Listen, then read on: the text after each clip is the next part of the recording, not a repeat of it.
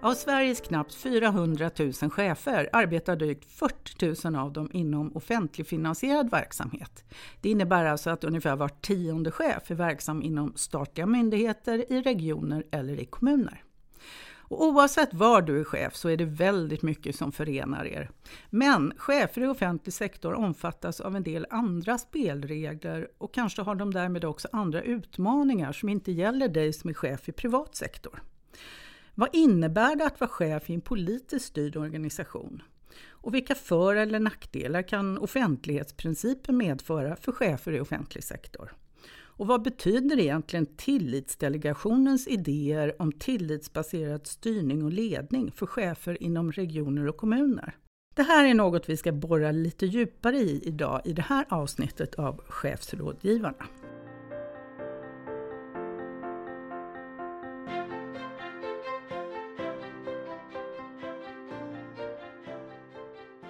Med mig i studion idag har jag Ove Ekerbring, chefsrådgivare på Ledarna. Välkommen hit Ove! Stort tack! Jag vet att du och dina kollegor på chefsrådgivningen, ni får en hel del samtal från just de här medlemmarna, ja, både i privat och offentlig sektor förstås. Men upplever du att det finns någon skillnad i vilken typ av frågor som just chefer i offentlig sektor ställer till er om man jämför mot privat? Det är ju både nyanser men även rätt alltså stora begreppsskillnader. Och då, vissa delar det handlar ju om eh, storlek på arbetsgrupp. är en, en stor skillnad tycker vi på vår rådgivning mellan privat och offentlig sektor. Eh, sen kan det ju även vara mycket frågor kring just hur att det är mer, mer eh, offentlighet inom en, i en kommun eller en region helt enkelt. Mm. Vi ska komma in lite mer på de här frågorna som du var inne på nu. Ehm, det är ju så att våra regioner och kommuner i Sverige styrs av demokratiskt valda politiker. Ehm, och politiker och politisk inriktning, det vet vi, det kan bytas ut varje valår. Ehm, vad innebär det egentligen att vara chef och tjänsteman i en politiskt styrd organisation? I ett vanligt företag så är det ju en ägare eller en styrelse som då sätter riktlinjerna. Men här är det ju då politiker som sätter riktlinjerna istället. Vilket då innebär att de kan ju de facto bli utbytta på ett helt annat sätt än, än, än en ägare eller en vanlig styrelse. I och med att det är demokratiska processer, som du var inne på, vart fjärde år. Och i och med att vi idag kanske mer agerar i, i en, någon form av blockpolitik. Att antingen så är det åt ena hållet eller så är det åt andra hållet. Och det är ju rätt, som du var inne på, markanta skillnader, vilket innebär att det är otroliga utmaningar för våra medlemmar som är chefer. Att man från en dag till en annan då kanske ska ändra sin verksamhet rätt radikalt. Eh, ledarna eh, eh, sände ganska nyligen ett webbinarium som hette inte Chef i demokratins tjänst med rätt att leda? Frågetecken. En av våra gäster där var Caroline Olsson som är avdelningschef för avdelningen för arbetsgivarpolitik på SKR. Eh, och hon sa någonting som fastnade eh, hos mig, så jag tänkte citera henne. Och det här handlade om eh, när gästerna pratade om just rollerna mellan, politi mellan politiken och tjänstemännen. Hon sa så här att tjänstemännens uppgift är att skickliggöra politiken. Ehm, hur håller man isär de här rollerna liksom, mellan politik och eh, kommunchef till exempel? Det, det, märker vi att det är en utmaning. Alltså det är ju, alltså jag brukar säga det att det är viktigt att man vet om sina roller och att man försöker tydliggöra sina roller. För det är ju så att politikerna, precis som en styrelse i ett, i ett aktiebolag, de sätter vision, de sätter strategi, de sätter de här eh, delarna som, som man ska arbeta efter långsiktigt. Medan en, en eh, chef inom eh, då politisk, eh, inom offentlig sektor ska då utföra arbetet. Och där är det ju viktigt att man låter eh, tjänstemännen, alltså våra medlemmar och chefer, utföra sitt arbete utan att kanske peta allt för mycket i detaljer. Eh, och det är nog så att ju, precis som i ett vanligt privat företag, ju mindre organisation, ju mindre företag, ju, alltså ju mindre region eller kommun, ju svårare är det med gränserna. För att man har nog, skulle jag tro, svårare att, att förstå de olika rollerna helt enkelt. Jag tror det måste vara viktigt med den här dialogen mellan högsta ledning i en kommun till exempel eller en region och ha en tät dialog med eh, politiken just så att man eh, ja, alltså att man är överens om vem som gör vad så att säga. Och att sätta det, spelreglerna ja, för varandra. Mm. Så att man, man de facto gör det man är bäst på. Jo, för som du var inne på, politiken, de, de målar med de stora penseldragen kan man säga.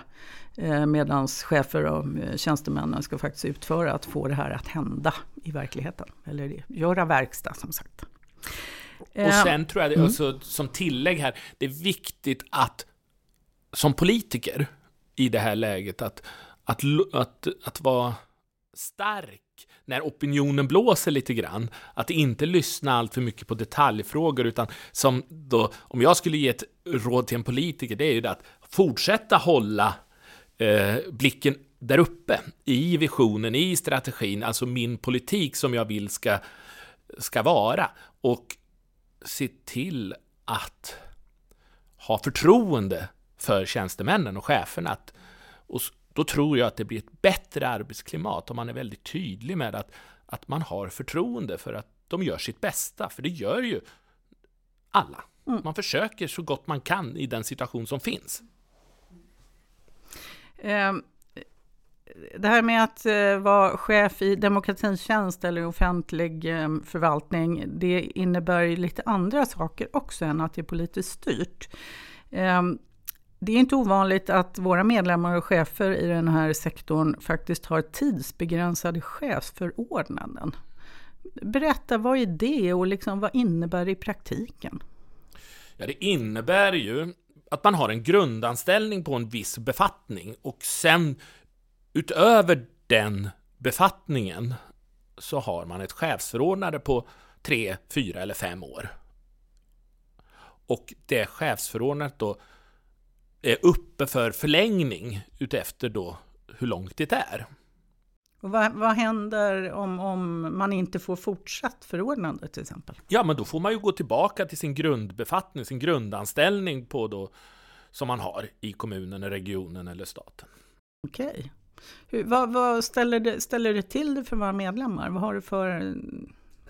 Är de positiva till det här eller tycker de att det är en konstig konstruktion? Alltså, jag tycker det är en konstig konstruktion. Okej, okay, varför det? Eh, ja, men det är ju, inte, det är ingen långsiktighet. Alltså, en, en chef ska ju vara anställd som chef, så man har en trygghet i sin, sin roll, så att man vet att man har ett förtroende. Alltså, att man ska tidsbegränsa chefskapet. Så jag tittar tillbaka på min egen erfarenhet med 20 års olika chefserfarenhet. Jag skulle aldrig kommit på tanken på att rekrytera mina chefer som tidsbegränsat. Det är mina viktigaste resurser. Och att de då ska gå runt och fundera på var tredje år om de ska få fortsätta i sitt chefskap. Det tycker jag är märkligt. Eh, sen så finns Visst, det kan i vissa yrkesgrupper så är det uppskattat och det finns fördelar med det för att deras grundanställning är ofta deras, deras yrke och deras befattning som de gärna vill jobba inom. Men många av våra medlemmar, de får ju en, en befattning som de kanske inte vill jobba på och så får man chefsförordnandet också. Och det är chefsförordnandet man vill åt, det är det man söker. Man söker inte grundbefattningen, utan det är den risk man bär när man är chef i offentlig sektor. Mm. Att trilla tillbaka då så att ja. säga inom citat. Ja. Och då vill man inte vara kvar, mm. för det är inte därför man sökte anställningen oftast. Mm. Nej, och vi på ledarna vi menar just att vara chef, det är ju ett yrke i sig, en profession i sig faktiskt. Eh, men kan det vara så här, jag vet ju att jag har jobbat inom staten, nu är det länge sedan, många år sedan. Eh, där satt många chefer på förordnande, precis som du beskriver. Eh, ofta upplevde jag att de förlängdes regelmässigt liksom rutinmässigt nästan. Eh, oavsett om det fungerade väl eller inte. Eh, kan det vara också en fördel med förordnanden tänker jag, för att eh, det är fortfarande en viss stigma det här att jo, men nu har jag varit chef här i x antal år, men nu lämnar jag mitt uppdrag därför att jag kanske inte vill längre, jag kanske känner att det här är inget för mig eller att jag kanske till och med känner att men jag gör inte ett bra jobb som chef. Eh, har man ett förordnande då är det ganska naturligt tänker jag att man faktiskt, nej men nu går jag tillbaks till min handläggartjänst till exempel. Eh, vad tänker du kring det? Kan, det? kan det vara något positivt med det? Ja, för vissa individer kan det säkert vara positivt mm. att man slipper degraderingen mm. i det läget om man ska kalla det så. Men då krävs det ju att de befattningarna som förordnandet bygger på de facto är den befattning som man kan tänka sig att jobba på. Ja, grundanställningen. Grundanställningen, ja. Mm. Som förordnandet bygger vidare på. Mm. Uh, för det som, som vi ser mer och mer, det är ju att den själva grundanställningen är en befattning som kanske inte riktigt är det man vill jobba med, även om man då skulle få välja själv. I alla fall i våra, våra medlemmar. Men om jag förstår det rätt då, då är det ju så att jag kan ju rekryteras till exempel till en, en, en statlig myndighet, säger vi. Jag rekryteras som chef. Och jag har inte jobbat som något annat än chef. Och så kanske inte jag får förlängt förordnanden. Då landar jag i något som jag, som du säger, inte har sökt till egentligen från början. Ja, mm. så är det. Man, man har en tjänst som man då, man skriver grundanställningen på den befattningen som du aldrig har jobbat som i på den myndigheten eller kommunen eller regionen. Så jobbar du som chef i två förordnadsperioder kanske, sex eller åtta år. Eh, och så helt plötsligt så tar förordnandet slut och du förväntas då gå in i den här grundanställningen som du aldrig egentligen har jobbat som. Är du chef? Ja, då förtjänar du ett proffs vid din sida. På Ledarna jobbar vi bara med chefer. Vi coachar, utvecklar och ger skarpa råd till tiotusentals chefer varje år. Och våra experter vet vad de pratar om. Dessutom ingår inkomstförsäkring. Bli medlem på ledarna.se. Vi är proffs på chefer. En annan sak som eh, absolut påverkar chefer i offentlig sektor, det är ju den offentlighetsprincip vi har i Sverige som är helt central. Och det innebär ju att vi som enskilda individer har rätt att ha insyn till och i och tillgång till information om statens och kommunernas verksamheter. Och vad kan det i praktiken innebära för dig som är chef i offentlig sektor? Eh, vad tänker du Ove? Hur kan det påverka chefen? Ja, det är allt är ju offentligt. Och vilket innebär att du måste ju tänka till på allting du gör. Plus då att både medborgare, journalister har ju rätt att begära ut all typ av information, vilket innebär att det kan ju det innebär ju helt enkelt att det kan bli väldigt tidskrävande att som chef vara med om att ta fram en massa, massa material som då journalister, medborgare har rätt att kräva. Eh, och det, det noterar jag ofta som omvärldsbevakare att det är saker som är i lokala media så ser man ju då och då hur enskilda chefer eh, får i media liksom stå för beslut som de själva kanske inte har tagit. Men det är ju offentligt. Eh, så jag kan tänka mig att det kan blåsa lite tufft där ibland. Ja, det är ju så att man, man får ju många medlemmar ringer in och, och berättar vad man skriver ibland i den lokala eh, tidningen. För det är ju helt andra saker som tas upp i den lokala mindre tidningen än Dagens Nyheter eller Svenska Dagbladet om man skulle jobba i Stockholm till exempel. Så att man, där har man ju en mycket tuffare medieklimat att hantera som offentlig chef. Mm. Ja, och den, den offentlighetsprincipen ska vi säga, det finns ju mycket fördelar med den också ur ett demokratiskt perspektiv. Så är det ju. På Ledarna har vi i många år drivit frågan om det vi kallar hållbara chefer. Och det handlar om att chefer ska ha rimliga organisatoriska förutsättningar för att vilja och kunna vara chefer över tid. Eh, men vi vet att många chefer saknar faktiskt vettiga förutsättningar och inte minst inom kvinnodominerade arbetsområden eh, såsom äldreomsorg och hälso och sjukvård som är just offentligfinansierad verksamhet. Det visar inte minst våra rapporter, lönlöst rapporter. Och inom de här arbetsområdena har cheferna högre utbildning, lägre lön och det är inte ovanligt att en chef har mellan 40 till 60 medarbetare. Hur är det för en chef att ha så många medarbetare, Ove? Ja, var ska vi börja? Det... Nu vet jag att du går igång ja, lite på det här. Det här, är, alltså, det här är ju... Alltså, det är ju alltså för mig skulle det vara en helt omöjlig situation. Jag har varit chef i 20 år. Jag skulle, alltså, hur ska man klara uppdraget? Hur ska det vara överkomligt att överhuvudtaget... Alltså, när, jag, när de berättar hur många underställda de har, många av de här cheferna, som då kan vara 40, 60 eller till och med kanske 80, plus en hel del timanställda kanske för att få verksamheten att snurra. Så min första eh, sammanfattning av det brukar ju vara det att okej, okay, medarbetarsamtal och lönesamtal, ja, det är ett halvårstjänst ungefär, bara det. Sen ska du då leda och fördela arbetet.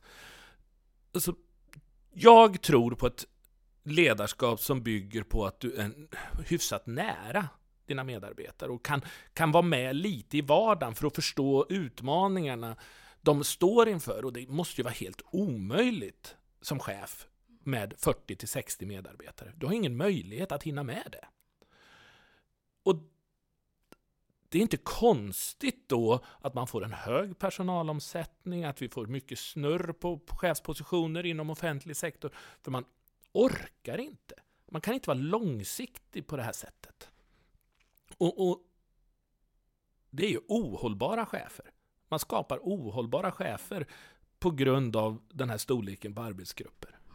Och det vet vi mår chefen inte bra eller är väldigt stressad och pressad. Det slår ju inte bara på chefen som individ utan det brukar ju också ge effekter, negativa konsekvenser för medarbetargruppen. Ja, såklart. För att medarbetarna, precis som chefen, de, de vill ju känna att de, de syns. Och, och chefen känner att han, inte räcker, han eller hon inte räcker till. Och, och medarbetarna får ser inte chefen. Eller inte, känner kanske inte att chefen förstår vad jag gör. För att man kan inte vara ute i verksamheten och, och följa personalen på det sättet. Jag funderar lite grann ibland så här om, om jag såg en, en ja, platsannons finns för knappt längre, ja digitalt. ja men så här, hej vi söker dig som är chef eller som vill vara chef och du får 60 fantastiska medarbetare att leda. Eh, du ska också ha ansvar för en massa andra saker naturligtvis. Liksom, jag skulle nog tänka både en och två och kanske tre gånger innan jag hoppar på ett sånt uppdrag kan jag ju säga. Ja, verkligen, för att som chef och ledare förväntas du också utveckla verksamheten. Och hur utvecklar man en verksamhet när man inte ens har tid att träffa sina medarbetare kanske? Jag tänker risken måste bli att det bara släcka bränder. Ja. Alltså att man måste ta det som är akut framför ögonen hela tiden. på något sätt. Men det är fantastiskt för många har ju en sån här situation och verksamheterna fungerar. Ja, och det är ju som du säger, det är fantastiskt att de fungerar. Eh, och det gör ju att man bränner ju ofta både medarbetare och chefer i bägge ändarna i det här, på det här sättet det skulle ju vara min första sak på agendan som, som högre chef eller och politiker i kommuner, regioner. Det är ju att börja titta på hur många medarbetare har varje chef. För att den kostnaden det måste vara att ha den personalomsättning och den ja, men, psykiska ohälsa som det skapar att ha så här många medarbetare. Både för chefer och medarbetarna måste man ju lätt kunna räkna hem ur ett eh, finansiellt perspektiv på att förtäta antalet chefer. Mm.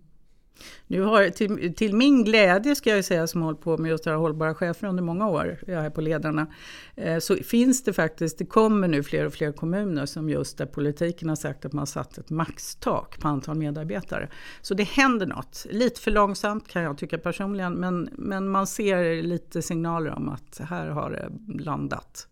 Eh, och det är glädjande tycker jag. För då ja, kanske vi får chefer som vill stanna. Idag vet jag att jag såg någon rapport att ungefär fyra år i snitt för vad en chef är inom äldreomsorgen, en enhetschef till exempel. Och det är en kostsamt att ha den omsättningen, helt ja. klart. Mm. Och det är väl jättebra om man börjar se problemet och börjar lyfta problemet. För det, det är väl det är ju det, det första som måste ske. Och sen så måste man ju det måste börja hända lite snabbare än vad det har gjort. Ehm, det är många som har fokus på, på just eh, vår offentligfinansierade verksamhet naturligtvis, inte minst vår regering av naturliga skäl. Eh, år 2016 så tillsatte regeringen något som heter Tillitsdelegationen. Och tillit är något som allt oftare dyker upp som en väldigt viktig aspekt i ett modernt ledarskap. Och den här delegationen de var verksamma mellan 2016 och 2020. Och för dig som kanske inte känner till Tillitska delegationen så var en del av deras, deras uppdrag var att sprida kunskap om hur myndigheter, regioner och kommuner kan utveckla ett mer tillitsbaserat styrningssätt. Och syftet var att effektivisera offentlig verksamhet och höja kvaliteten för medborgare. Och kanske var det också en motreaktion, tänker jag, på en NMP, New Public Management, eh, som har varit ledstjärna för styrningen under lång tid. Den här delegationen tog bland annat fram sju vägledande principer för tillitsbaserad styrning och ledning. Och två av de här är tillit och handlingsutrymme. Och det innebär att man ska ha som utgångspunkt att lita på dem du samarbetar med och att delegera befogenheter och mandat och välkomna medbestämmande. Och det här låter väl ganska bra, eller vad tänker du Ove? Ja, det låter jättevackert. Det låter bra, ja. Och då tänker jag att grunden för tillit, eh, det är inget man trycker på en knapp och säger ja, nu har vi tillit. Utan det handlar om att chefer och medarbetare har ett ömsesidigt förtroende. Och ett förtroende som man bygger upp genom relationer naturligtvis. Men är det möjligt att skapa tillit med de här jättestora medarbetargrupperna som vi har talat om? vad, vad tänker du? Ja, det korta svaret är nej. Eh, baserat på att du är inne på, på vad, det, vad som krävs för att ha en tillitsfull styrning. Så krävs ju förtroende. Och hur ska jag som chef skapa förtroende om jag inte hinner träffa mina medarbetare? Det här vanliga snacket man har, bara någon minut att känna av hur de mår och vad de känner och hur det går i jobbet och, och, och det här, vara med i det dagliga lite grann. Det skapar ju förtroende. Om jag som chef sitter bakom lyckta dörrar i möten och samtal med alla mina medarbetare samt då också ska släcka alla bränder, hur ska jag kunna skapa förtroende?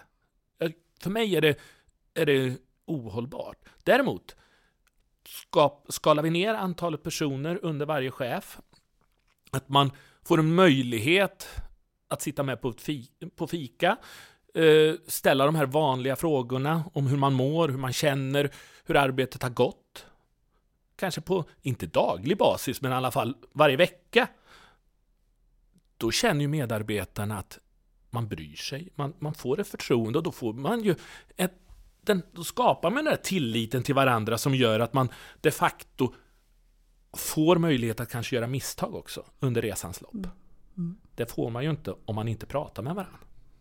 Jag tycker det, jag ska följa det här för att jag tycker det har skrivits en del litteratur nu kring hur det här ska gå till och jag tycker det är spännande för att precis som både du och jag pratar om tillit, det handlar ju så mycket om relation och förtroende. Och det kan man inte bara bestämma att nu ska vi ha det. Nej. Utan det, det tar ju tid att bygga upp. Liksom. Så ja, att, ja, man ska skapa en känsla i, i gruppen. Och, och, är det också en grupp som är 60 personer som, som då ska ha förtroende för varandra. Där man då känner att man inte räcker till som medarbetare eller chefen inte räcker till. Alltså då blir det ju ingen, inget förtroende inom gruppen heller, vilket genererar ännu större utmaningar för medarbetare och chefer. Ja, det, ja, det ska inte vara allt för enkelt. Nej. Nej, det ska det inte. Um, men som sagt, det där får vi följa och se hur det går med den tillitsbaserade styrningen och ledningen. Det ska bli väldigt intressant. Mm. Um, Tack Ove för att du hängde med här idag och pratade chef i offentlig tjänst. För dig som vill ta del av mer om chefskap i just politiskt styrd verksamhet så tipsar jag om att titta på vårt seminarium Chef i demokratins tjänst med rätt att leda? frågetecken Den hittar du på ledarna.se. I det seminariet delar politiker och tjänstemän med sig av både utmaningar och möjligheter med att leda i en politiskt styrd organisation. Och inte minst ta del av den stolthet som finns över att faktiskt vara i just demokratins tjänst. Stort tack till dig för att du lyssnade idag. Och du vet väl att du kan skicka in din fråga som du vill ha svar på till chefsradgivarna ledarna.se.